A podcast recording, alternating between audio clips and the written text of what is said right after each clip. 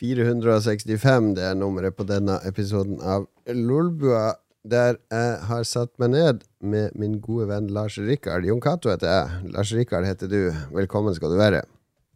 Velkommen til oss begge, Lars Rikard og Jon Cato. Eh, det er teorier blant våre lyttere nå om at eh, du har drept Mats, og han ligger sementert ned under eh, betong Mm. eh, I betongen under kloakkrørene dine. Han er, det er veldig nært. Han er i min fritzelkjeller, eh, hvor han har det bra, vil jeg si, etter forholdene. Olsenkjelleren. Olsenkjelleren. Ja, der eh, Det er litt sånn annerledes enn fritzelkjelleren, for der er det jo stort sett damer. Men her er det bare menn, så det, er- det er hovedforskjell. Ja, Hvis du skulle lagd en sex dungeon, Lars, Mhm. hvordan hadde den sett ut? Hadde, hadde det bare vært sånn eh, klassisk, eller hadde du hatt sånn eget tema? Hva er klassisk? Er det sånn kjetting? Det er noe kjetting og murvegger og litt sånn klassisk kjeller. Mm. Jeg tenker i Pulp Fiction, der har du jo en, en sånn sex dungeon. Ja, det er sånn typisk sex dungeon. Kanskje litt mørkere. Ja. Ja, jeg ville hatt den ganske lik, men jeg ville ikke hatt uh, motorsag og, og samuraisverd rett ved inngangen liksom, til Sex Dungeon. For hvis de slipper ut, og det gjør de jo bestandig, så er det veldig lett å liksom, revanche. Ja, jeg lurer på hvorfor det alltid var Kan det ikke være sex attic? Eller eh, sex loft? Eller noe sånt. Det må alltid være en sex dungeon. Mm. Du har jo en rape van, og Sex Dungeon, det er liksom en sånn fast ting. Du har ikke rape-sykkel. Nei, det er jo det er utfordrende. Du kan ha sånn tandemsykkel. Du må tvinge, Først må du tvinge vedkommende på tandemsykkelen og liksom samarbeide for å komme til Sex Dungeon. Jeg tror det er en grunn til at det ikke er en, eh, en rape-bike, eh, Lars. Mm. Men la oss bevege oss på noe lysere. Hva har skjedd i det siste? Hva driver du med? Hvordan går det? Eh, det går greit. Jeg driver, og Det jeg stresser mest med Jeg kjenner jeg blir stressa. jeg, må- jeg skal lede en politisk debatt. Oi, oi, oi. Jeg må finne min indre Solvang, NRK Kristian, Christian, hva han heter Jeg husker aldri hva han heter i fornavn, men eh, det må være han. Fredrik Solvang, ja. Fredrik. Freddy. Jeg må, jeg må bli han Freddy, for det alle partiene kommer. Det blir sånn åtte-ni politikere. Å, herregud. Ja, jeg må dele de opp. Og så, Wow. det, er på, det er på torsdag. Vi spiller jo inn på tirsdag. eh, Og kanskje jeg skal gå rundt på gata og høre hva folk vil at vi skal snakke om. Er vi teknisk nok, så kan jeg spille liksom innslag fra folk eh, på storskjerm hvis vi liksom vil være helt nuts. Jeg har vi kunne hatt publikum i salen. Jeg vet ikke om det Vi er jo en liten bedrift. Kan ikke drive og ha sånn crowd control. Plutselig er det noen crazy people som skal komme opp og begynne å blogge. ikke sant? Og det, Det er jo klare Det det? det er jo ingen crazy people som kommer opp og skal blogge. blogge. Trenger ikke blogge. Jeg tenkte på mer er det Men eh, du blogger jo fisk uh, etter du har fanga den. Ja, det, men må studere han Solvang, for det er bare å være litt sånn der eh, frekk og direkte. Altså Gjerne gjenta spørsmålet ti ganger hvis de ikke svarer. Det var ikke det jeg spurte om, Amundsen. Det jeg spurte om, var hvorfor har du sånn rødt bånd med hakekors på armen? Det var ikke det jeg spurte om, Amundsen. Det jeg spurte om, var Du svarer ikke på det jeg spør om. Det jeg spurte om Og så må du gjenta og gjenta og gjenta. Og så må du, når han, endel- når han ikke svarer for tiende gang, så må du snu deg mot kameraet og si Greit, vi får ikke noe svar fra Amundsen i kveld, men da går vi over til deg, Solberg. Hvorfor har du klippa håret ditt? Er det de tingene han spør om? Det sånn Nei, jeg kom kommer ikke på Nei, men han, han Sånn som når de drev med det der uh, Når han mannen til Solberg hadde laga en eller annen liste over Arbeiderparti-styrefolk som Høyre kunne skvise ut, så, så var han uh, i strupen på henne i fem minutter om det der. Skal vi lage sånne lister? Er det greit sånn? Har du sett den lista? Har du sett lista, eller? Har du, se, har du sett den lista til deg? Det, det var liksom Du må bjeffe litt oppi fjeset på dem. Bjeffe litt. Ja, vi får se hvordan det blir. Jeg er veldig spent. Jeg, jeg prater jo med politikerne. Jeg er på nesten alle kommunestyremøtene. Jeg er i politiske utvalgsmøter. Så jeg vet jo hvem alle er. Ja. Prater med de ofte, vet hva de krangler om. um, Men eh, å få min indre Fredrik Solvang, det, liksom, det, det blir veldig gøy. Så det, det gleder jeg meg til. Men du må jo ha et mål med dette, ikke sant? Hva er målet ditt? Er Målet er jo å hjelpe velgerne. Eh, det er todelt. Du, du må ha litt show. Du må Ja. ha litt sånn, Du må svinge litt. Men samtidig skal vi jo gjøre de som følger med på det her, mer klok. Ja. Kan gjøre et bedre valg. Eh, Hvis du vil ha show, kan du dele ut egg og råtne tomater og sånn til publikum. ja, det var en god idé. Det blir ikke noe publikum, tror jeg. Men jeg kan er- kaste egg Det er bare livestream. Eh, ja Ja. Det er, det er på tors Jeg har to dager på liksom Jeg har lokalet, jeg har tidspunktet, vi har teknikken på plass. Så liksom Jeg har jo vært i Bodø Jeg har vært i Bodø siden søndag, Ja. så jeg kom hjem i dag. Så nå skal jeg liksom begynne å Kan dette ses av alle? Jeg vil tro det. Jeg tror ikke vi gidder å ha det som pluss, men vi får se. Vi Ja. får se. Ja, ja, ja, ja, ja. Jeg tar imot spørsmål fra Lolbua-lytterne live underveis. Live underveis. Endelig skal jeg få streama, folkens! Yeah, baby! Det blir din stream i år. Partilederdebatt med Per-Willy og jeg vet ikke hva de andre heter der oppe nå. Uh, Per-Willy stiller ikke til valg lokalt. Nei, han er det- ikke på lokalvalget, nei. Mm. Nei, han brukte å være det en, en stund, og tok bare permisjon, liksom, og var minister i stedet. Men Ja, han hater jo Oslo, så det er bra han eh, ikke stiller til valg i Harstad. det. Det er jo en bra ting med, med Per-Willy. Hater Oslo for min stemme, bare på grunn av det. Ok, nå ble det internt her. Men eh, ok, ja, du, så du skal være uh, host sånn Jeg har jo hosta sånne Mm. ting mange ganger. Det er jo ikke noe stress, det, da. Nei, det er jo ikke så mye stress. Det er jo ikke jeg som er i sentrum, liksom. Det er jo 70 av pratinga, minst. Fredrik Solvang er i sentrum på Debatt 21. Han er veldig i sentrum. Hvordan dress skal jeg ha på noe sånn Det må være ganske trang. Altså må du ha ganske buskete øyenbryn, for det har Fredrik Solvang. Ja. Er det innafor å gå eh, Det heter ikke blackface, men å liksom gjøre meg mer du kan ikke være blackface i en politisk debatt i Norge. Nei, okay. Ja, da vet vi det. Greit. Shut down. Det skal ikke være svart dress heller. Det skal være politisk nøytral dress. Så ikke kom i noe som du har kjøpt sånn gjenbruksdress, for da er det sånn Å, MDG, han signaliserer eh, Miljøpartiet. Jeg får låne klær fra Frp og så stå i sånn Frp-klær. Kanskje du skal skifte hele tida? Altså du har litt sånn forskjellig. Så du tar på deg sånn felleskjøpedress når du snakker med Senterpartiet. Og så tar du på deg blåskjorta når du skal snakke med Høyre.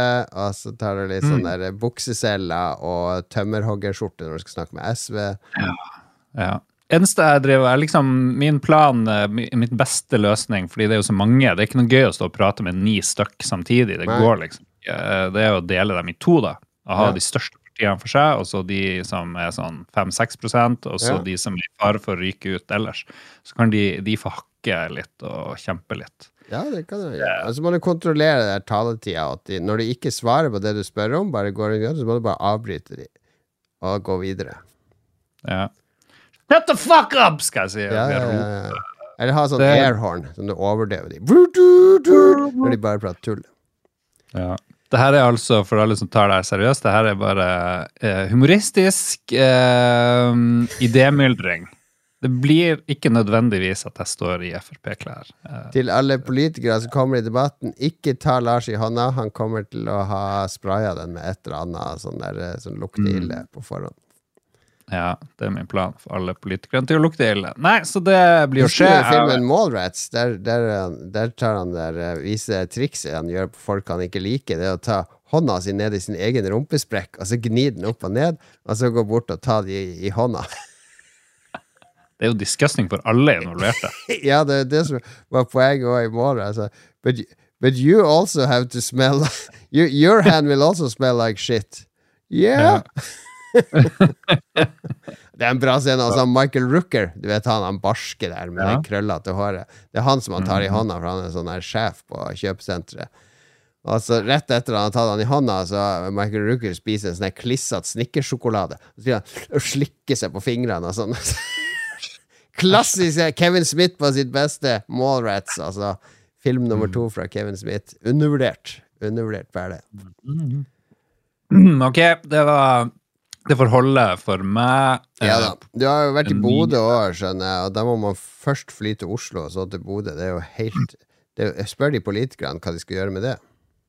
Ja, nei, det, noen ganger må du gjøre det. Jeg måtte ikke gjøre det nå.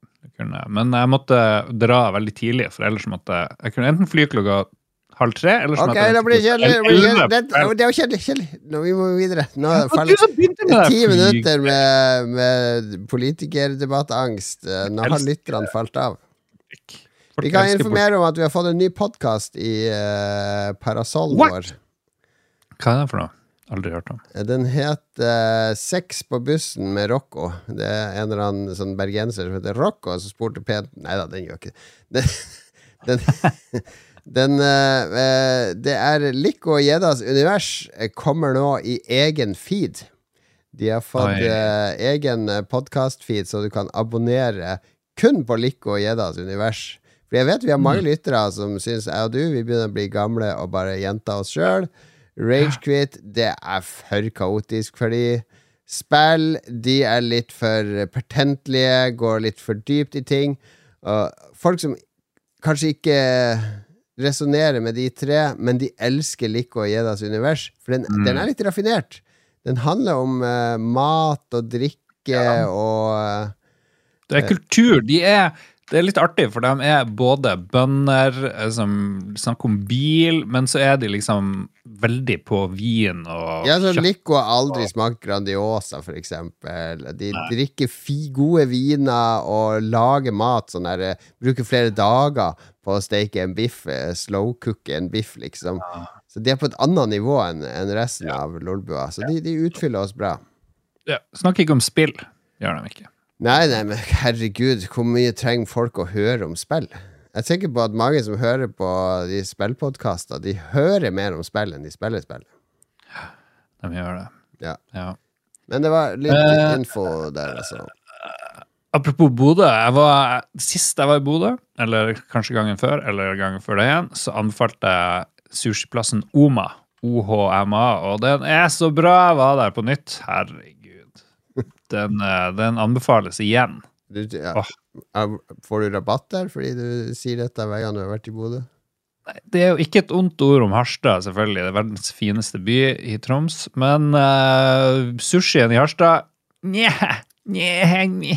Eh, Ja, for det, sushien i Harstad, det er sånn der sabrura, er det ikke det?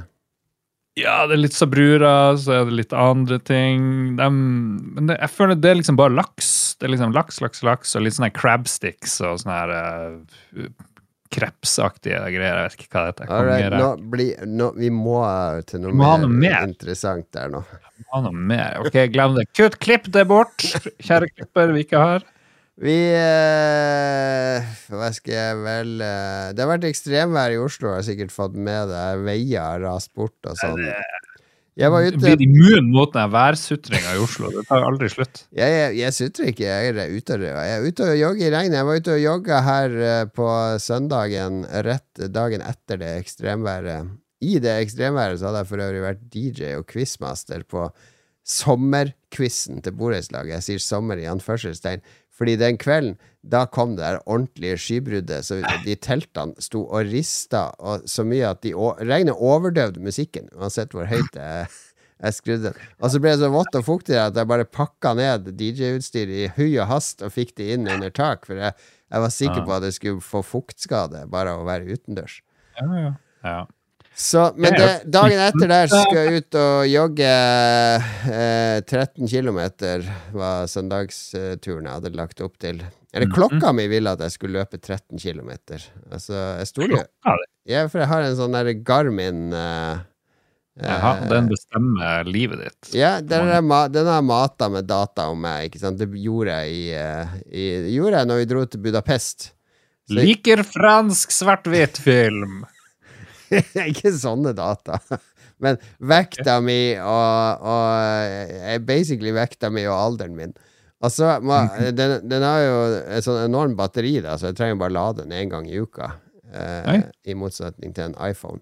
Nei, Ja, det er en i- eh, Piss å lade de klokken uh, Ja, den, den her har jeg på meg Den døgnet rundt, fordi den måler oksygenopptak og søvnkvalitet og alt sånt. ja. Og Og natta òg. Ja, så basert på ikke sant, langtidsmålinger av meg, så genererer den treningsforslag hver dag.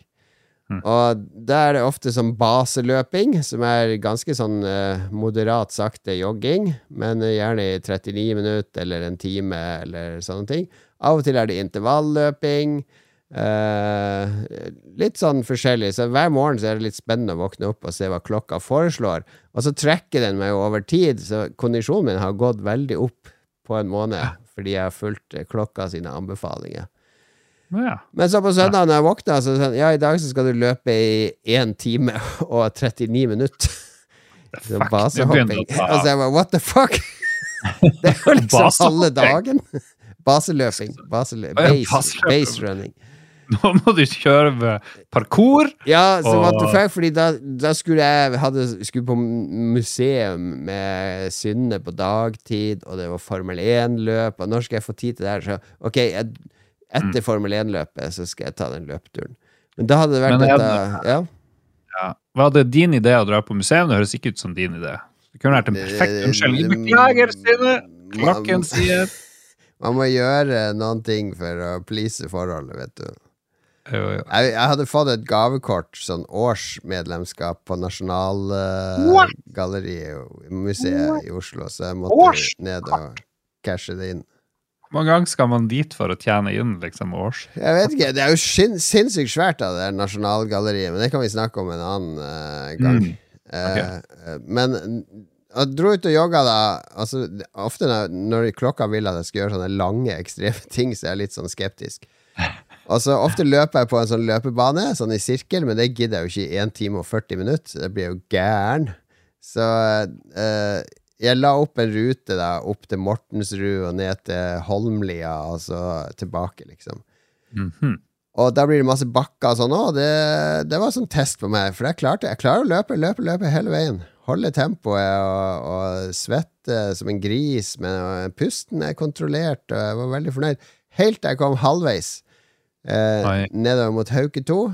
Fordi flere ganger så hadde jeg måttet løpe gjennom sånn vann opp til leggene. Fordi bekka og elva hadde fossa over gangveien. Så var, eh, det, var, det går helt greit. Det er jo bare å løpe videre. Men der hadde hele veien blitt revet ut. Eh, altså, det var et gigantisk hull i bakken etter Oi. de skadene. Og det, det var første gang jeg ordentlig kjente at her har det vært en effekt. En ordentlig effekt. Ekstremvær i Ekstremvær i Oslo, ja. Ja. Er det, tror du at de kristne tenker at nå er det på grunn av at folk synder ekstra mye i Oslo, derfor regner det mest der? Det er Gud som Jeg tror det er fordi du driver og flyr til Bodø hele tida om Oslo og Stockholm og what the fuck, og bare slipper en masse forurensende gasser opp i lufta sånn at været blir fucka. Det er, jeg tror det er årsaken, Lars. Mm, ja, jeg tror du har helt rett. Ja. Okay. Ja, veldig bra. Du har jogga 13 km. Oh yes, baby! Oh yes! Du kan få være med på hytteturen.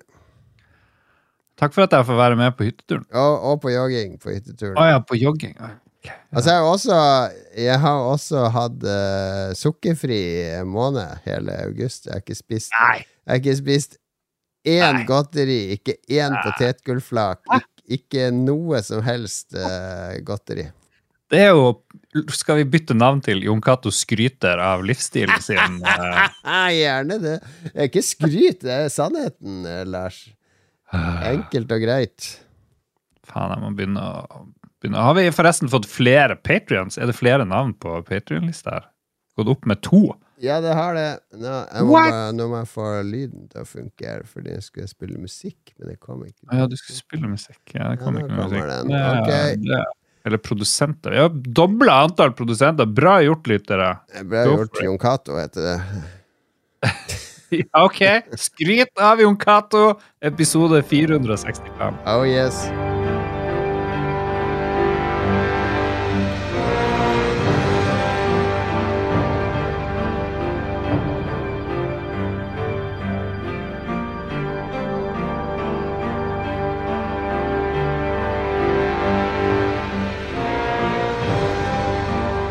Wizardry 5 Heart of the Maelstrom er det vi hører musikk fra her. Malstrøm, Det er husker du Malstrøm? Den Skumleste Ja. TV-serien ever. Ja. Sånn porselensdukke som brenner opp, eller et. Ja, sånn maleri. Sånne hus som du må ta en båt ut til ute på en øy. Og Var en BBC, NRK Ja, koproduksjon. vi, må, vi må finne Er den på NRK? Oh yes, oh yes. Er den det? Ja, What? Kan vi se på Jesus hytta. Lord. Det blir helt perfekt. Den er sikkert Ja, OK. Ja! Sukkerfri måne, ja. Jeg har en sånn pose smågodt i skapet jeg drev og kikket på i sted, men det får så være. Ja, nei, vet du. Ungene og Synne de spiser jo godteri i helgen. Jeg har klart å styre 100% unna. For en, eh, for en viljestyrke. The iron will! The iron will.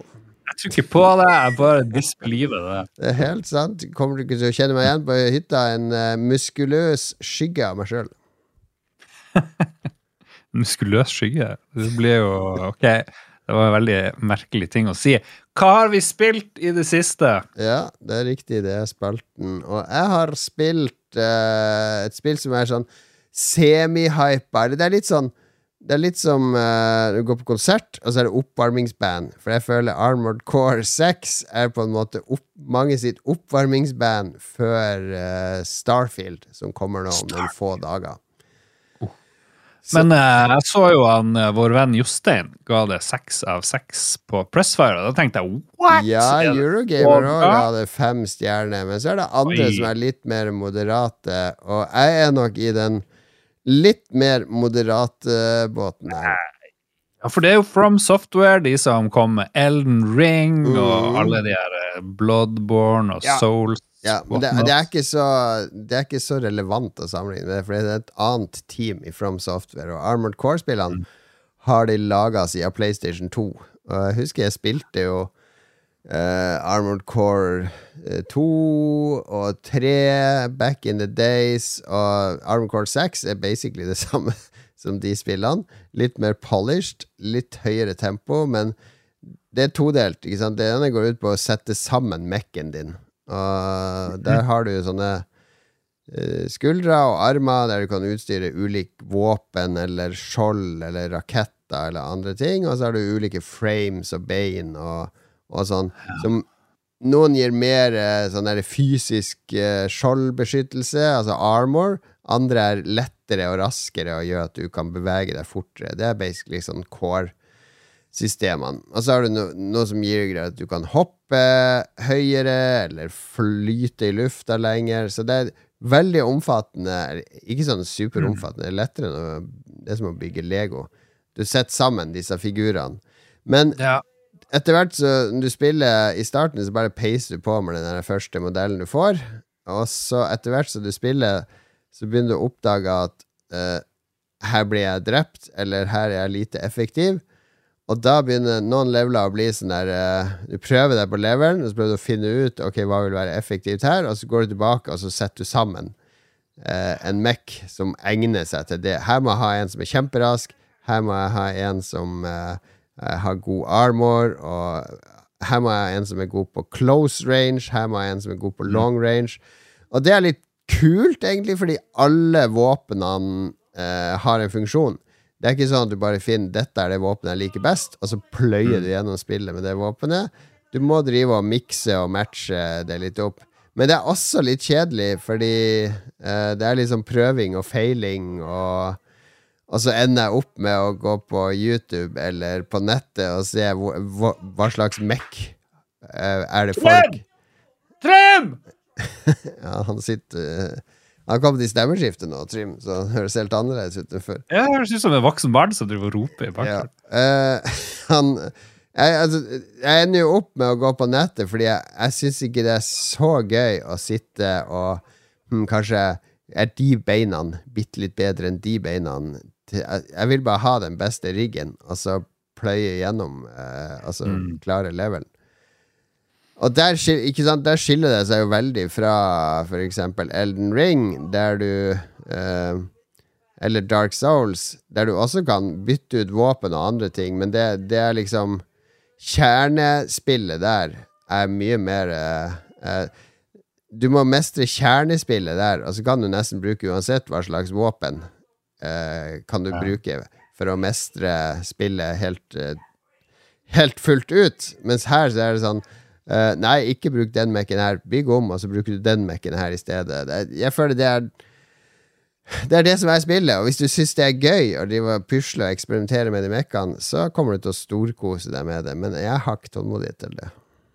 Okay. Jeg har ikke sett noe annet enn sånn her eh, annonseringstrailer. Jeg skjønner jo at det er store mekker med masse våpen. Ja, altså går, Det går sinnssykt fort. Altså, det er sinnssykt mye informasjon på skjermen til enhver tid, og lydinformasjon, fordi det eh, De som så streamen min da jeg spilte de to første timene, så jeg daua jo på den første bossen sikkert ti-tolv ganger.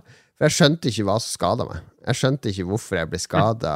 Plutselig så går halve helsa, plutselig ble jeg stønna Ja. eh, og sto og frøys i ro. Ja, ja. Etter hvert så skjønte jeg det. Jeg skjønte at, at det kom sånne, kommer sånne raketter. Altså mente jeg at jeg drev og dodga de på bakken. Men de rakettene lager sånn flamme og varme som skader meg hvis jeg er på bakken. Men hvis jeg bare flyter i lufta to meter over bakken og dodger et par meter til sida, så blir ikke jeg skada i det hele tatt. Så man måtte liksom holde seg svevende, var clouet. Ja. Og da gikk det greit å klare den bossen. Men det var, det var ingen Jeg skjønte Det tok en halvtime før jeg skjønte at det var det som skada meg. Ikke sant? For det er veldig lite indikasjoner på Det kommer en sånn pipelyd, og så aner jeg ikke hva er det som kommer nå. Hva er det som treffer meg? Så bare boom! så det er, det er litt frustrerende, men jeg ser at hvis du Litt som From Software, hvis du holder ut lenge her og liker å leke og eksperimentere og uh, redue leveler for å prøve å gjøre det raskere og mer effektivt, så er dette definitivt noe som du kan bli forelska i. Hvordan eh, Det kan hende det blir too much information, men jeg skjønner ikke hva du gjør. Er det bare som å springe rundt i en svær, en svær arena og så bare blaste, eller går du liksom Er det noe sånn progresjon? Nå er jeg der. Nei, det er bare missions. Du, så du spawner et Mm. sted, og så skal du dra til et punkt, og, og så er det fiender på veien dit. Det er basic mission-struktur. Eh, og det er egentlig ganske behagelig. Noen mission varer i fem minutter, og noen kan vare i 20 minutter. Og mellom missionene så er du bare i en sånn garasje, og der er det bare stillbilder, egentlig. Der du kan utstyre eh, Mac-en din. Altså, det er ingen sånne cutscenes med folk eller mennesker. Det er bare sånne radiosamtaler eller folk som ringer med oppdrag og Ja. Er det litt som når du spiller Ace Combat? Der er det jo der er det litt historie imellom, men så er det liksom Ja, det er et eller annet narrativ der, men det er i The Intrusion forces are invading the made-up country. Let's fight for freedom. Og så Red Five standing by.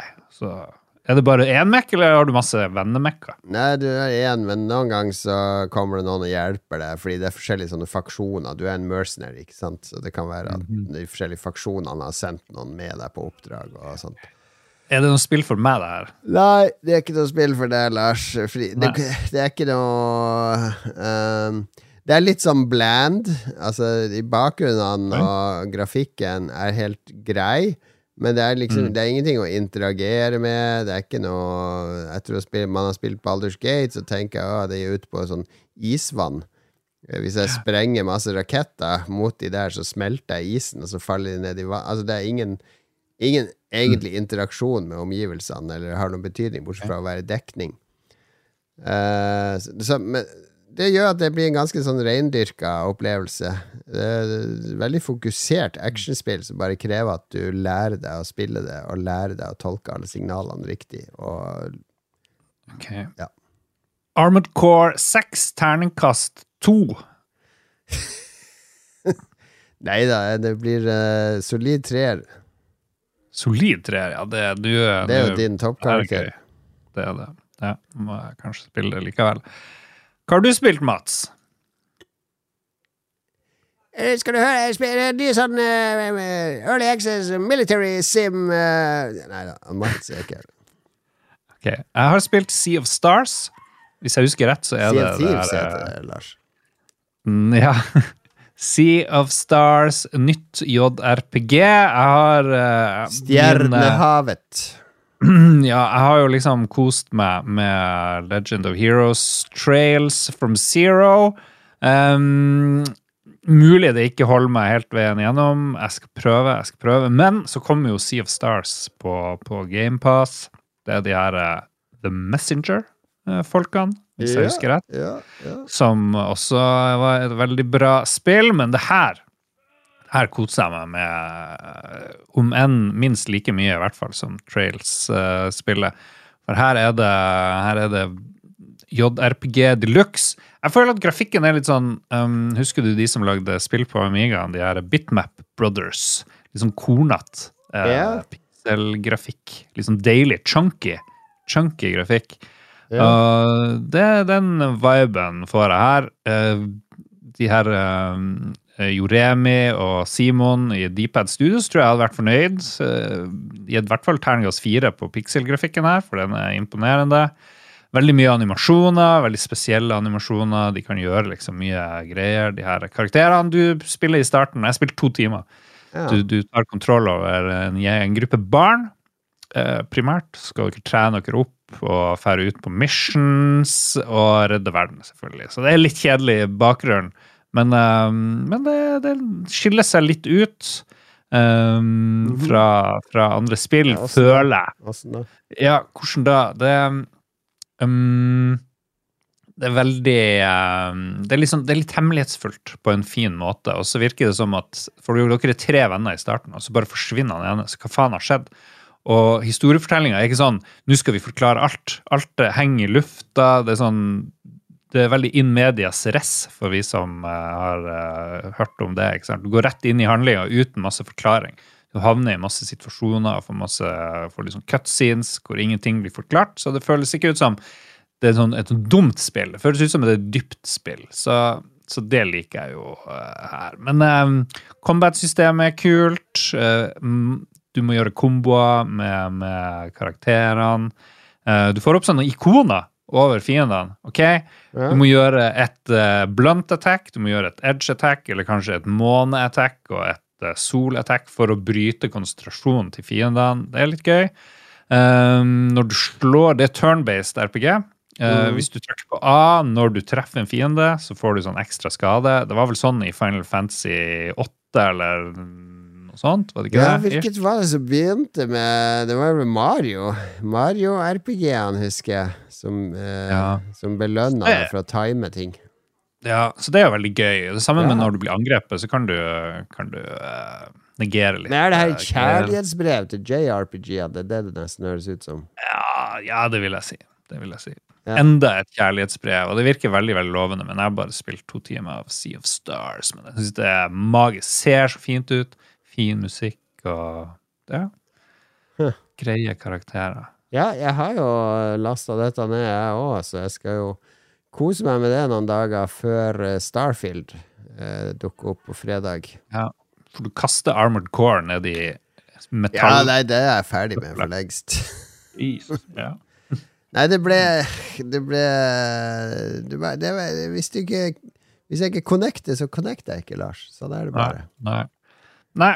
Sagt. kanskje det går kanskje litt tregt, det er Sea of Stars. Det eneste. Åssen tregt da? Altså trege bevegelser? At det er veldig mye dialog, eller?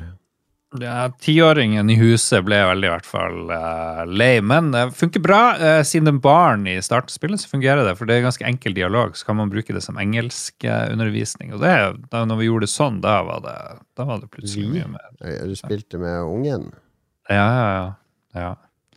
Barn i hus, eh, så da Sus og dus. Sus og dus. Boller og brus. Ja, de slipper å være i Olsenkjelleren. Nei, det Har putta en Xbox der.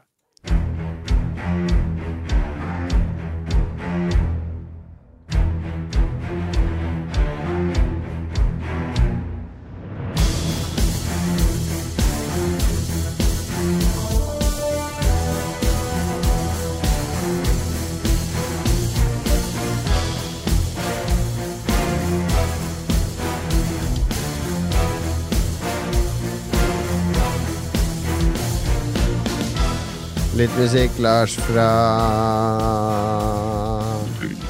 Fra Aner ikke. Destiny 2 Lightfall. Den nyeste utvidelsen. Ja, ikke spilt. Ikke spilt. Men hørtes det ut Du kjente Fordi jeg tenkte at du kunne kjenne igjen at det var Destiny 2.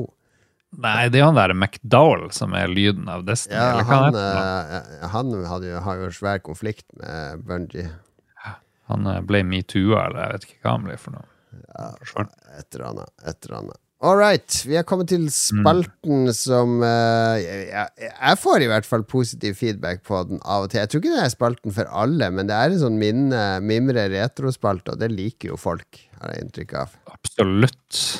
Alle elsker den spalten. Ja, for vi skal tilbake. Vi kårer jo årets beste spill år for år. Altså for, for å For at vi ikke skal bli ferdig med denne spalten for fort, så tar vi det måned for måned for hvert år. Altså, Den blir ferdig altfor sakte, egentlig det. Så vi, vi har kommet til uh, april 1987. Eh, Oh yeah. Og i 22. april 1987, husker du hva Gro Harlem Brundtland gjorde da? Uh, hun på sånne her swingersparty den måneden. Nei, jo, jeg. Var formann i FN-kommisjonen World Commission on Environment and Development. Ja, Og er avleverte rapporten Our Common Future, som introduserte konseptet bærekraftig utvikling. Oi, ok. Det var, var bra gjort, Gro Harlem Brundtland. Ja, som, senere, er som senere ble allergisk mot mobiltelefoner. Ja, det var bæ- ikke bærekraftig utvikling. Nei. Men sånn Ja. var det. Eh, I april 1987 var også første gangen vi fikk et glimt av eh, Simpsons. Fordi de Oi. dukka først opp som en sånn kort tegnefilmseriesnutt på eh, Tracy Ullman Show. Nei! 83, nå er du jo full. 87. Ja, 87. 87, vi er i 87. Ja. Ok, 87. Gratulerer. Så ut som drit, det der første Simpsons, da. Men det var sikkert artig. Eh, ja, det, var, det, var, det må jo ha vært et eller annet. Matt Grøning var jo, eh, var jo, var jo Mm. bra når, når han sto bak det. Og i, uh, de ti første sesongene Jeg er ikke noen sånn Simpsons-fan, er du? Mm, nå? Likte jo det. Do the Bartman. Jeg syns jo det var kjempeartig. Men Det var det er jo sikkert 20 år siden. Ja, er sikkert 20 år siden jeg så noe Simpsons.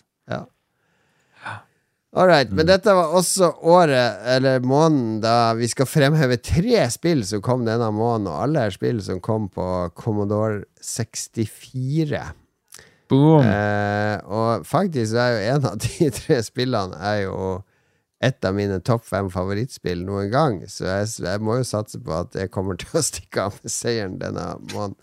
Vi det snakkes- Vi får se om Barbarian blir månedens spill. Nei, nei, nei, nei, nei, nei. Vi begynner med Whizball.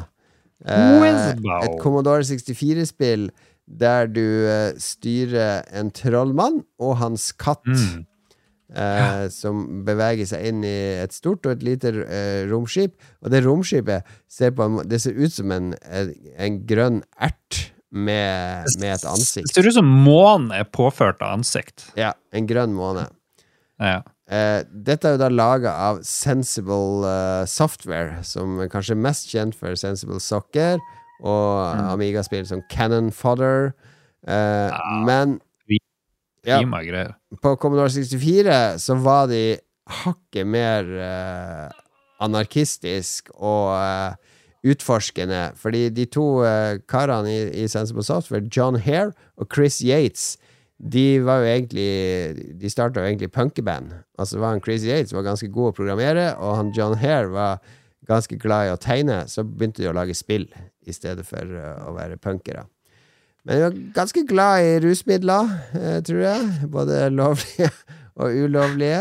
De Var ganske freaka folk. Fikk med seg Martin Galway til å lage musikk, og etter hvert så i Sensible Software så fikk du en Captain Sensible, som lagde musikk for de på Amiga. Klassiske War. Eh, It's sangen. never been so much fun. Ja, ja, ja, ja, det var en Captain Sensible. Han var vel egentlig en ordentlig musiker. Eh, så de fikk ting til å skje rundt seg, og de lagde veldig originale ting. Eh, Parallax har vi kanskje snakka om før. Det var jo Sensible Software. Veldig spesielt eh, skyte, utforske eh, spill. Og så var det Visball. Og dette er, en dette er mitt favorittspill på Commodore 64, fordi du starter med denne romskipballen, som egentlig bare spretter, fordi det er gravitasjon. Så du må rotere den og prøve å altså sprette mot eh, sånne power-ups-ikoner. Altså Når du får de, så kan du aktivere forskjellige power-ups, sånn som at eh, du opphever gravitasjon, kan fly rundt fritt, få forskjellige våpen, kan tilkalle katten, som er et sånt miniromskip som følger etter det. Og så skal du skyte sånne farga kuler som dukker opp, som dreper deg hvis de treffer deg. Hvis du skyter dem, så blir de til malingsdråper. For spillet går ut på å fargelegge spillverden. Den er blitt svart-hvitt. En ond trollmann har eh, stjålet alle fargene. Så du må skyte fargeklumper, som da blir eh, malingsdråper, som du da samler opp med den katten. Og Da måtte du holde inne skyteknappen og så styre katten. Hvis det var to player, så kunne player to styre katten. Det er en veldig mystisk kombo. Du har en sånn eh, måne eller en pizza som fyker rundt med et ansikt, Ja. og så har du en sånn droide som følger etter. Og egentlig det er en trollmann og en katt. Det er litt sånn uh, far-fetched, uh, litt sånn urealistisk, uh, vil jeg påstå. Men realisme er ikke tingen her. Det her Nei, er jo som du sier, dette er surrealisme. Surrealisme. Ja. Det, det var eh, Jeg husker første gang jeg spilte, skjønte du ingenting, fordi du driver og spretter ned ballen rundt, og du treffer drit og dauer hele tida. Og det var ordentlig sånn Du må eh, finne de små nyansene i det, og få den første power-oppgraderinga. Eh, det var masse sånn originale trekk der som, som jeg aldri har sett i noen andre spill. Eh, Og det har jo blitt hylla i lang tid etterpå, f.eks. i Retro-gamer i 2011. Der ble det kåra til det nest beste Commodore 64-spillet, Uh, som de sjøl skriver. Quite possibly one of the most beautifully crafted C64 games that you'll ever have the privilege to play. Det er, er store ord. det, det, det er jo enorm uh, original gameplay. Uh, de har tatt en sånn shoot em up-sjanger og gjort noe helt nytt. Og så teknisk så fungerer, fungerer det jo bra. Det er jo veldig få Commodore 64-spill som er så Ja, dette er et av de få Commodore 64-spillene som når, når vi studerte i Oslo, og Lars glade 90-tallet, studerte og jobbet på Akersmik, og dro hjem til jul eller sommerferie, og da dro jeg fram Commodore 64-en, så lasta jeg inn Visboll og runda det. Det gjorde jeg én gang i året. Det, det holdt seg like godt år etter år etter år. Det er det spillet jeg har runda flest ganger i verden. Nei, jeg er med på at det her er veldig, veldig bra. Spesielt når vi skal se på andre spill. Ja da, vi skal det. Og vi skal høre litt, for det var eh, Jeg tror eh, Chris Yates og, og, og John Hare De var veldig glad i Martin Galway på Commodore 64, for de lot han gå helt amok i Parallax med 14 minutter lang prog-låt. Og, og de lot han leke seg helt fritt i Whistball òg, med en veldig eh, hypnotisk og spesiell eh, introlåt.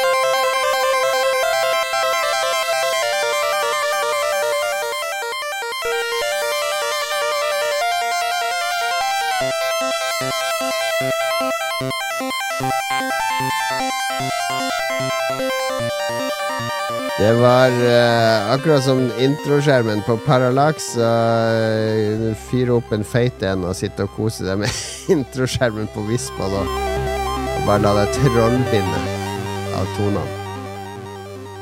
Det er en veldig rar låt, Fordi nå når den begynner, så skifter den helt. Og på bonus Det er sånn bonuslevel også i spillet, der du skal skyte sånne politiroboter. Uh, det, det er bare sånn eneste stor bass-solo. Der uh, han bare jammer på bassen. Ja. Weird og wonderful. Eh, Barbarian kom også den her uh, måneden, og det spilte jeg jo en del. Um. Kanskje ikke like mye som Barbarian 2. Jo, det må ha vært Barbarian 1 jeg spilte, for det, det her var Det er jo en sånn um, Hvis du tenker Tekken er bare mye dårligere, men du har to personer som skal slåss. Uh, Way of the Exploding Fist, bare med, med sverd. Så kan du hakke og trulle, rulle litt på bakken. Ganske simplistisk, men det var veldig kult fordi du kunne kappe hodet på fiendene dine. Og det var liksom the big shit. Det er helt riktig. Jeg spilte dette veldig masse sammen med min venn eh, Gunnar, eh, som gikk i A-klassen. Vi, vi duellerte mye i dette spillet, fordi eh, grafikken var amazing eh, med disse sverdfolka. Vi hadde jo spilt Exploding Fist og sånne ting. Ikke sant? Karate, internasjonal karate, men her var det med sverd. Så det føltes mye mer brutalt, spesielt siden du kunne kappe hodet av fiendene. Og når du hadde tatt motstanderen, så var det en sånn artig humoristisk effekt med at det kom inn en sånn grønn goblin og drar Mm. liket ut. Og hvis du hadde kappa av hodet, så sparka han hodet som en fotball, mens han Ja. lo og, og dro liket ut av banen. Alt er jo henta fra sånn Konan-univers. Du har en sånn ond uh, fyrste som står og følger med på kampen. Det er slanger, og det er en sånn Konan-figur. og Ja, ja, ja. Det er liksom, det er den verden Og, der, da. og Maria Whittaker, som står bak der og følger med på eh, kampene. Eh, prinsessen som du kanskje skal redde, eller et eller annet. Hun står nå der i bikini. Og hun var jo også på coveret og promo-artworket til spillet. Har du sett det, Lars? Um, nei, men jeg aner jo hvordan det ser ut. Uh, Ja, altså, det jeg, som noe jeg, jeg er usikker på om jeg har brukt mer tid i spillet enn uh, på badet med promo-artworken til spillet, for å si det sånn. Ah, gode gamle dager hvor du måtte ty til uh, men svært primitiv porno. Men det var en bølge her på denne tida. ikke sant? Maria Whittaker hun var sånn side tre-pike i The Sun. Nå ser jeg at du sitter og koser deg med Maria Whittaker. eh, Samantha Fox, strippoker, kom jo på denne tida. Hun var også side tre-pike. Det var et spill som heter Vixen, som brukte en side tre-pike. Så det var en sånn crossover her, der den britiske spillbransjen plutselig hadde funnet ut at hei, her er masse damer som sikkert ikke koster altfor mye, å bruke som modeller i spillene våre. Ok, ok. Hvordan var Barbarian 2? Var det bare Ja, skikkelig nei, dårlig? det var Da gjorde de det Her var jo bare sånn rent duellspill, altså sånn type Tekken, Mm. slåssespill. Men Barbarian 2 gjorde de til et actioneventyr der du skulle utforske. Så du skulle gå rundt, og så ble det kamper når du møtte fiender. Uh, og det var egentlig et kjempekult konsept, men det var ikke så godt gjennomført. Men det kommer vi til om et Mm. år eller to, når vi skal gå gjennom de beste spillene eh, da det kom. Ok. Jeg spilte mye mer Barbarian enn Whistball, fordi jeg skjønte liksom ikke Jeg bare hoppa rundt i Whistball og skjønte Ja, aldri Barbarian var jo mer rett frem in your face, ikke sant? Og Whistball, det var en raffinert eh, drug-fantasi. Så Nei, men eh, eh, Maria Whittaker eh, hun gifta seg jo med han eh, eh, Med en sånn der drum and bass-dude. han Rebel MC. Kong, Kongonetti het han. Så hun er Bra for henne. Ja, absolutt. Absolutt. Storebroren til Maria Whittaker heter David Whittaker og er regnskapsfører. Så vet vi det! Så vet vi det. Jeg har litt musikk fra Berberia nå. Det er jo eh, Richard Joseph som lagde musikken til, eh, til dette spillet. Han lagde eh, Det er vel han som er Er det ikke det? Captain Sen Sensible? Du er, du er på egne føtter her. uh, nei, for han lagde musikk både for Sensible Software og Bitmap Brothers og, og rundt omkring. Jo, Jobba jo både med uh, de som lagde uh, Whistball, Sensible Software, og mange andre. Så han, han uh, Skal vi se Og så gifta han seg med Maria. Er det det? Nei, det gjør han ikke. Men han eh, Nei, Captain Sensible var med på Sensible Soccer. Han er ikke Captain Sensible. Men han var veldig Han hadde mye musikkontakter, så han fikk for eksempel Betty Boo, som synger på Magic Pocket-soundtracket. Brian May er jo med å spille på Rise of the Robots-soundtracket, osv. Uh, og Gods og Speedball 2-musikken er det jo han som står bak, der han fikk Mm. eh, John Fox, eh, altså eh, originale vokalisten i Ultravox til å bidra med vokaler. Så han han var en veldig kreativ eh, musikkdude. Eh, ikke så kreativ på Commodore 64. Han ble nok holdt litt tilbake av teknologien. Det passa nok bedre å kunne bruke ordentlige instrumenter på Amiga, for sånn her høres det ut i eh, Barbarian.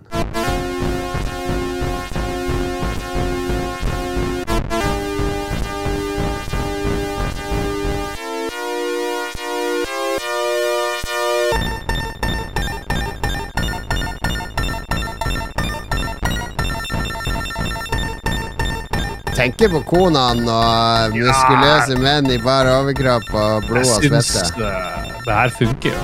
Ja, Ja, det. gjør det. Gjør det. Tematisk korrekt komposisjon. Mm. Richard Joseph. Og så kommer vi til et spill jeg aldri har hørt om før nå.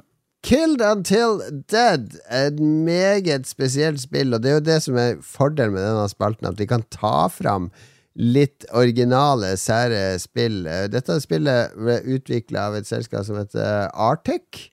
eh, Som var et kanadisk selskap som eh, Ja, de holdt på ut til og med 90-tallet, litt av og på. Ikke så mange kjente, store spill de står bak. Mye middelmådig eller rart eller eh, eh, ja, som, som, som falt imellom mange stoler. Og Kill Till Dead er en av de bedre spillene de lagde, for det er basically Cluedo i dataspillform. Blanda med litt sånn der uh, TV-detektivserie, altså type Colombo og Derrick, uh, uh, Murder She Wrote osv. Du skal Det har skjedd noe, noe mord. Du skal eliminere spor for å klare å, å stoppe en eller annen crime. Og det, det er litt som Cluedo, ikke sant, med du eh, eh, Colonel Mustard in the dining room with uh, candelabra, eller hva, hva nå mordvåpnene var. Så du skal inter interrogate suspects og, og, og avdekke løgner og så videre. Og så er det mye humor i det, da, så det er jo en litt sånn parodi på krimsjangeren. Og det jeg husker var, var spesielt som irriterte meg med det her spillet, fordi jeg var jo bare hva var jeg, 15 år når det her kom. 15 Nei, 87? Ja. 25? Det var ikke 25 i 87. Ok, unnskyld. 15 år da det kom. Og det er masse sånne quiz-spørsmål i spillet som går på eh, ekte detektivserier. Altså sånn i Perry Mason. Hva, hvem var Hva heter dommeren, og what the fuck? Jeg kunne jo ikke svare på noe av den driten der som går på sånne amerikanske eh, detektivserier. Så det var en sånn bummer for meg. Men det var, det var, så, det var så godt presentert, dette spillet. Eh, det, det sugde meg inn i denne mordgåta. Så tror jeg også det er den der eh, kombinasjonen brettspill-dataspill. For det, det var den første gangen jeg liksom så en sånn crossover. Hva hvis vi lager Cluedo om til et dataspill? Ja.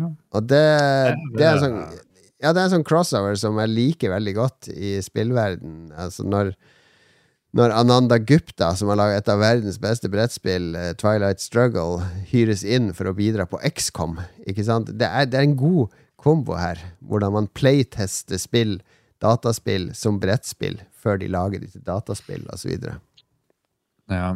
Fikk jeg tenkte hva om noen lager spill av eh, filmen eh, The Conversation, hvor han eh, Gene Hackman bare hører bruddstykker av en sånn samtale på et torg, og så er det sånn veldig eh, mystisk hva er det som foregår på Ja, torget. jeg har- Det er noen du kan jo- spioner og Sp må spille han Sam Barlow sine spill, eh, Her Story, og det han kom med i fjor, for de er jo basically sånn Skal sette sammen klipp i kronologisk rekkefølge og prøve å make sense av eh, en eller annen historie. Ja. Men jeg fikk litt sånn vibes av det her. eh, Ja. Til det. Ja. Vi må høre litt eh, Det er ikke sånn kjempebra musikk som han Paul Butler hosta opp til det spillet, men la oss nå høre.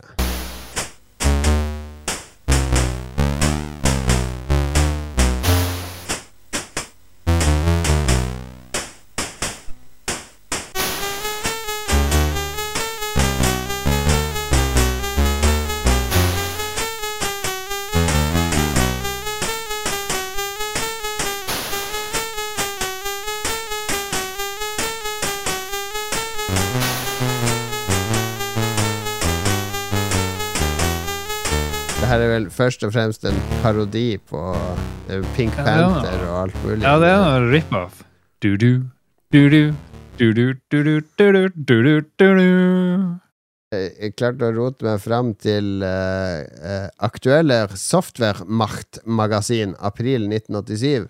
Der har de en anmeldelse av Killed Until Dead, som får top hit! Og det får karakter grafikk. Var det ti på tysk jeg glemte? Zen? Zen. Grafikk Zen! Story Art. Eh, handhavung Det er sikkert eh, Vet ikke hva det er. Handhabung. Eh, Håndjager. Håndjager. Zen. Og så denne. Atmosfære! Elbst! Det fikk elleve i atmosfære. Og Price 9. Top hit. Overskriften er Das Gargoyle-Komplott oder wie begeht man den perfekten Mord im den Olsen-Kjeller? Im den Olsen-Kjeller var jeg som la til. Ja, det var, det var score. Score, score. Ja, ja. Nei, men så bra. Bra, da har vi tre spill. Hva, hva vinner her, Lars? Ja, det, det, det står for meg mellom Barbarian, som ikke kan vinne, for det er ikke så bra, og Whizball, som jeg faktisk har spilt. Jeg har ikke spilt Kill Until Dead, men det ser jo veldig spennende ut. Men uh, siden det her er favorittspillet ditt, topp fem i hele verden, greit nok. Vær så god, Whizball. Tusen takk, Lars. Tusen takk. Nå ble jeg veldig glad. Jeg ble så glad at vi skal spille noe spillmusikk eh, laga av en harstadværing.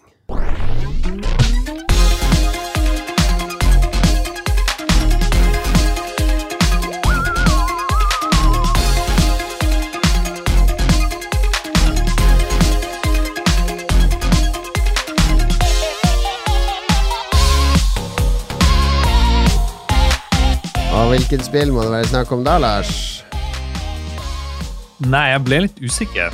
Hvem er det? Er det hva er det slags Det spill? spillet Rhythm Sprout som kom på eh, Steam i fjor. Et uh, rytmemusikkspill. Superkult, faktisk. Vi har intervjua uh, skaperne av det til Spillbua. Nei, spill, uh, Spillrevyen før. Spillbua. Spillbua er vår nye podkast. Lars samler politikere inn i en bu for å snakke om dataspill. Hmm. Tør du å spørre de hva er favorittdataspillet deres er? Ja, tør jeg vel. Kan Ja. spørre om alt. Spør de om det er jævla skjermtid som de er så sinnssykt opptatt av. Er de opptatt av skjermtid Ja, Ja, alle er så bekymra for skjermtid, barn og unge. Jeg tror alle er fullstendig fuck skjermtid. Fuck it. Ok, jeg har kommet til anbefalingen. Og nå skal jeg, jeg kan begynne her fordi jeg har oppdaga noe som er så bra at jeg tør nesten ikke å tro at det er ekte. Jeg jeg er redd for å google det for å få avslørt at det er fake. Eh, fordi Amazon Prime har en, eh, en reality slash komiserie som heter The Juror. Altså jurymedlemmet. Eh, Det er en film fra 96 med Demi Moore og Alec Baldwin. Vent, jeg skal finne ut hva det heter. Jeg tror det er Amazon Prime. Jury Duty. Jury Duty heter den. Jury Duty. Men se heller den 96-filmen med Alec Baldwin. Jury Duty, OK? Ok, Jury Duty. Så konseptet her, og det er det her jeg ikke tør, for jeg vil ikke ha det avslørt hvis det er hele greia er fake. Fordi det er mye Det er så det er, det, det er nesten for bra til at det kan være ekte. Men greia er at det er en, eh, en rettssak i USA, og så er det et dokumentarfilmcrew som har fått eh, full innpass i denne rettssaken, for det er litt sånn fillesak, egentlig, om eh, eh, en dude som kom full på jobb, og eh, hun som eier det lille selskapet han jobba i, som saksøker han for tapt salgsinntekt eller et eller annet drit. Men det skal i hvert fall eh, være jury og sånn, og så har det dokumentarfilm eh, Eller dok dokumentarskaperne har fått full tilgang til juryen, for de skal lage en dokumentar om det å sitte i juryen, er det som er premisset deres.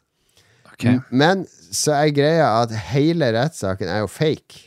Det er bare skuespillere, dommeren og advokatene og, og de som jobber i rettssalen og alt sånn. Og hele juryen, bortsett fra én person, er skuespillere.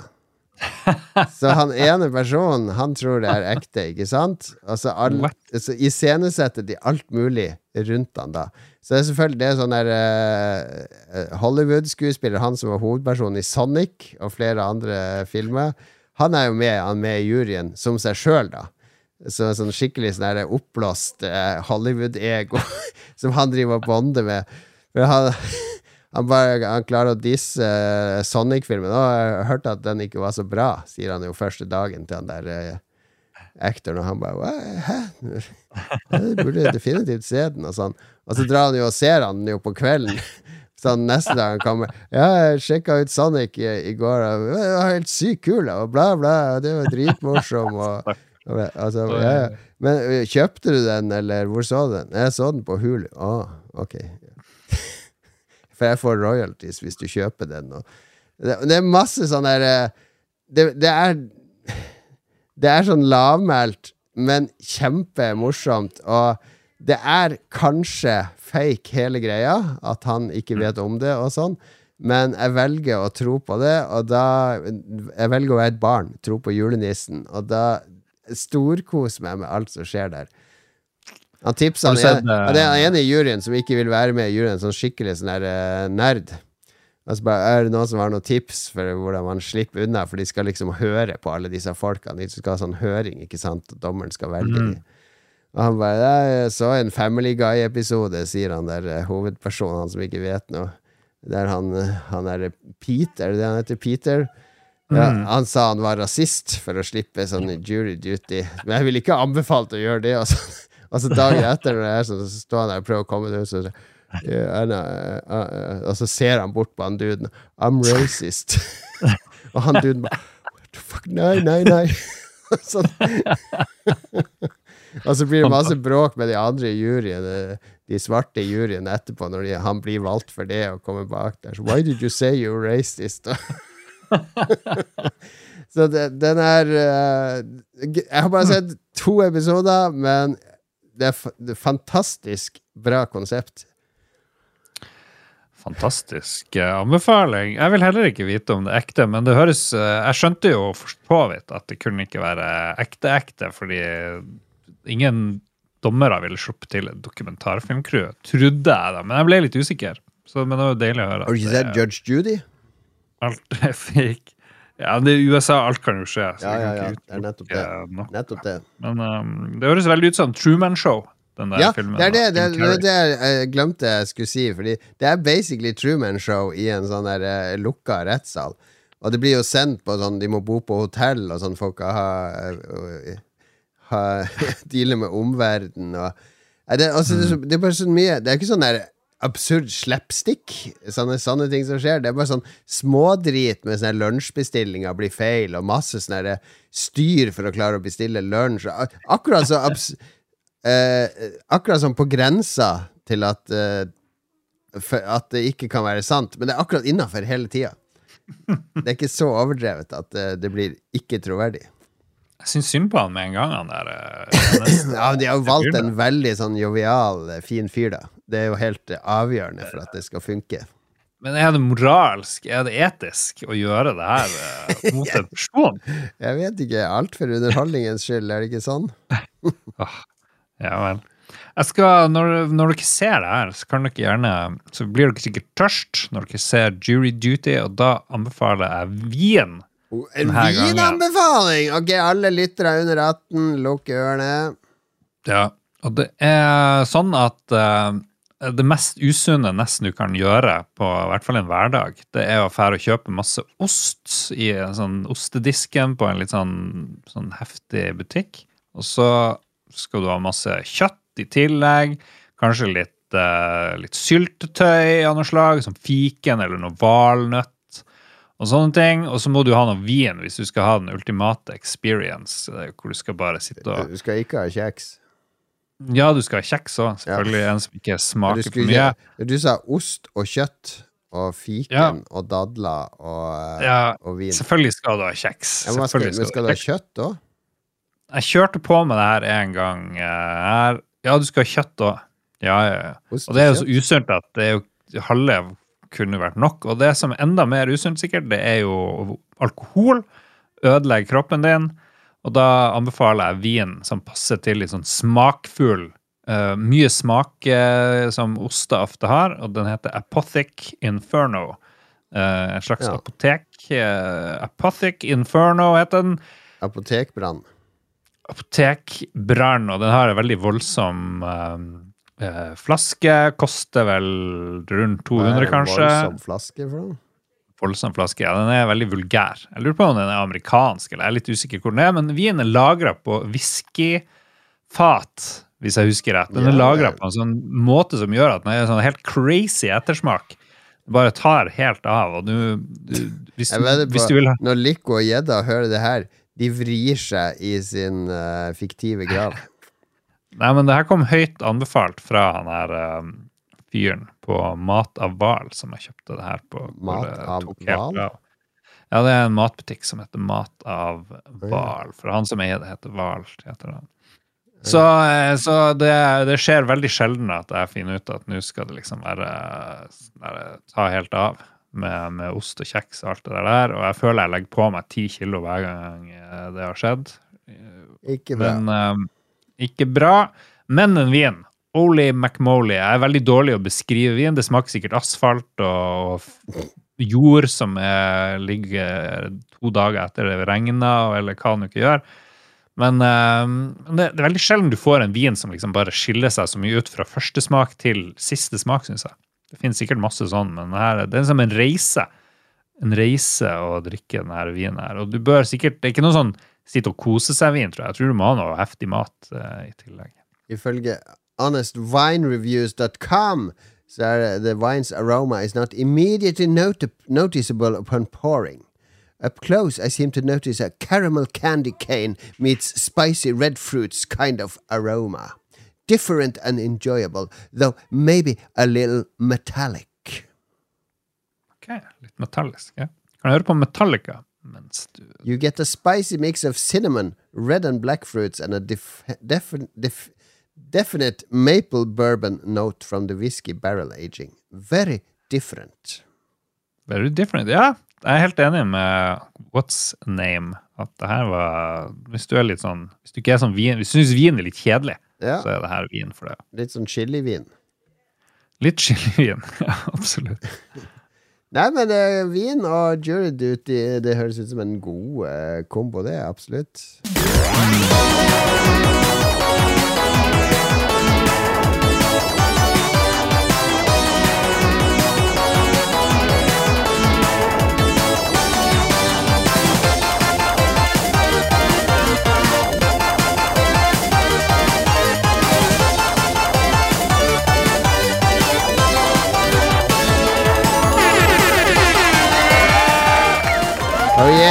Klapper ut Sol Cresta-soundtracket. Eh, Sol Cresta er vel en oppfølger til Terra Cresta, et gammelt arkadespill fra 80-tallet. Og sangen har valgt utelukkende pga. navnet. Den heter nemlig Ikke lov å le nå, Lars. Clouds okay. of Uranus. Det er umulig å ikke le når noen sier et eller annet med Uranus. Uh, that's funny. Skyer av ditt anus. Ja, utrolig gøy. Ah. Ja um, Vi har ikke noe lytterspalte. Jeg bare hadde en sånn artig greie hva, som jeg la ut. Men det, det ble Jeg kommenterte på mitt eget innlegg med en gif, og det kom bare giffer. Uh, så vi bare lar den leve sitt eget liv, uh, Ja. den, uh, den lytterspaltegreia der. Dra på vår Facebook-side. Vi har jo to, da, men der det skjer, det er jo uh, Lolbo Entourage. Hvor vi er litt sånn lukka interne. Og Discord har vi en veldig aktiv Discord. Der vi Oh, mangler yeah. én boost for å være level 3. Oi, mangler en boost. Jesus. Jeg, jeg, skal, jeg skal booste hvis ikke jeg har gjort det. Det skal jeg gjøre. Eh, Fort finne ut eh, ja, du, ja, du har en boost. Har boost. I get the boost. Men Og vi så kan jo jo lese opp de som ikke har boosta vår server i redaksjonen. Det er Ja. Punti og Adrian og Lico og Ståle. Ja, men de har jo egen discord i tillegg, da. Ståle har ikke egen Discord. Ikke Nei, det har de ikke. Det er, Men uh, Punti og Adrian har det. ja. ja. Ja. Spill. vi- Hør spill med Punti Adrian. Hør Ragequit med, med Ståle og Christian og Rochefte og Dag Thomas. Og så må du høre Lico og Gjeddas univers. Når det- det kommer ut. Det det er jo sånn to ganger i året de kommer. Jeg vet ikke helt hvor ofte det Ja. kommer nå, egentlig. Um, og så har vi masse Patrions, og der har det jo eksplodert. Ja, da faktisk vår oppmuntring forrige uke om å slenge seg på Patron har fungert, for der har det kommet inn mange nye patrons. Tusen takk til dere. Og jeg kan informere om at Sveppergaven trykkes as we speak, så jeg håper å få den hit uh, ja, om en uke eller noe sånt, og da skal det sendes ut fortløpende uh, herifra. Så det er bare å glede seg. Ja, for nå har vi en bra tier på swapping. Mm. Uh, Wife-swap, eller men-swap, kall det hva du vil. Ja. Så har vi en uh, Snapchat-tier, Ja. hvor du kommer inn der. Det er veldig veldig gøy. Og så har vi selvfølgelig sånn helt øverst det er produsent-tieren. Og der, uh, der er det hvis du har litt til overs og vil eh, bidra til at vi kan sende folk til uh, retrospillmesser og sånt, og lage. For eksempel. ting. Ja. Der de ikke klarer å lage innhold fra, men det, det er nå en annen sak. Jo, men Ragequit klarte det. De hadde masse bra innhold. Ja, spill òg klarte det. Ja, ja, absolutt. Ok, vi må takke våre produsenter som om vi er eh, en full punti på hotellrommet og skal ha en samtale med dem mens det spilles inn podkast i bakgrunnen. Det var veldig intern, men ok. Uh, Spør Punti hva vi snakker om. Hei til dem, eksempel! Hva det går? Prøver du å spille i podkast? Fuck you, man! Duke Jarlsberg! Altså, det, det der online-rollespillet, det, det må du legge fra deg. Det er Street Fighter som gjelder. Street Fighter 2, uh, Duke Jarlsberg! Christer Lysaker, skal vi, eh, skal vi ikke spille litt eh, pinball? Litt pinball! Hold kjeft, Ståle! Jeg prater om pinball! Altså, Bjølsrud, Bjølsrud, kom bort her. Sett deg ved siden av meg. Sier, du vet at jeg har eh, verdensrekord i joints in, the, joints in the fast lane. Skal jeg vise deg hvor rask jeg kan være? Legg deg ned her. Skal jeg vise deg hvor rask jeg kan være, Bjøslo? Det var Bjøslo han het, ikke Bjølsrud. Sorry, Sorry Bjøslo. sånn kan det gå. Det er han der fra med Harald Eia-sketsjen. eh, Ja, det er noe sånt. Vi, vi mente Bjuslo. Vi mente Bjuslo. Tusen takk for oss. Eh, Vi er glad for at dere hører på. Um, Det nærmer seg kommunevalg. Eh, Neste uke så gleder jeg meg til å høre om hvordan det gikk på scenen med Ja. politikeren Lars. Jeg regner med du følger med live når jeg står der. Oh yes, vi skal vi, Vet du hva, kan ikke jeg og Philip få streame det på Twitchen vår? Ja, selvfølgelig. Det er jo bare å embedde det der. For en Ja, god idé, for en god idé. Farvel, Lolbua. Eh, Twitch TV slash Lolbua. Da blir det første gang Lars skal streame. blir gull. Gull. Takk for oss. Ha det.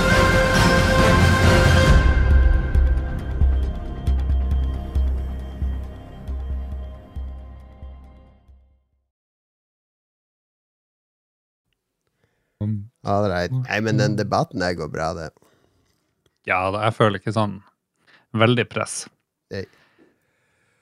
Men Det er bra, får du laga noe grafikk, så legger jeg ut uh, i morgen tidlig. I will do it right away. Hvis vi får det ut til Patrions først, så er jo det et, um, Ja. et salgsargument, selvfølgelig. For det. skal du ikke på Harstad standup-festival? Ja, det er vel i helga, er det ikke det? Hva er det vi har snakka om som vi skal lage? Jeg, jeg er ikke noe glad i sånn lokal standup. Jeg bare Jeg vet ikke. Ja. Folk flirer av alt uansett, liksom. Det, det er det som skjer. Det er det. Det blir sånn, ja. Yes, jeg må eksportere litt Ja, eksporter. Jeg holder på as we speak å lage graphics. Ok. Ok, smokes. Hei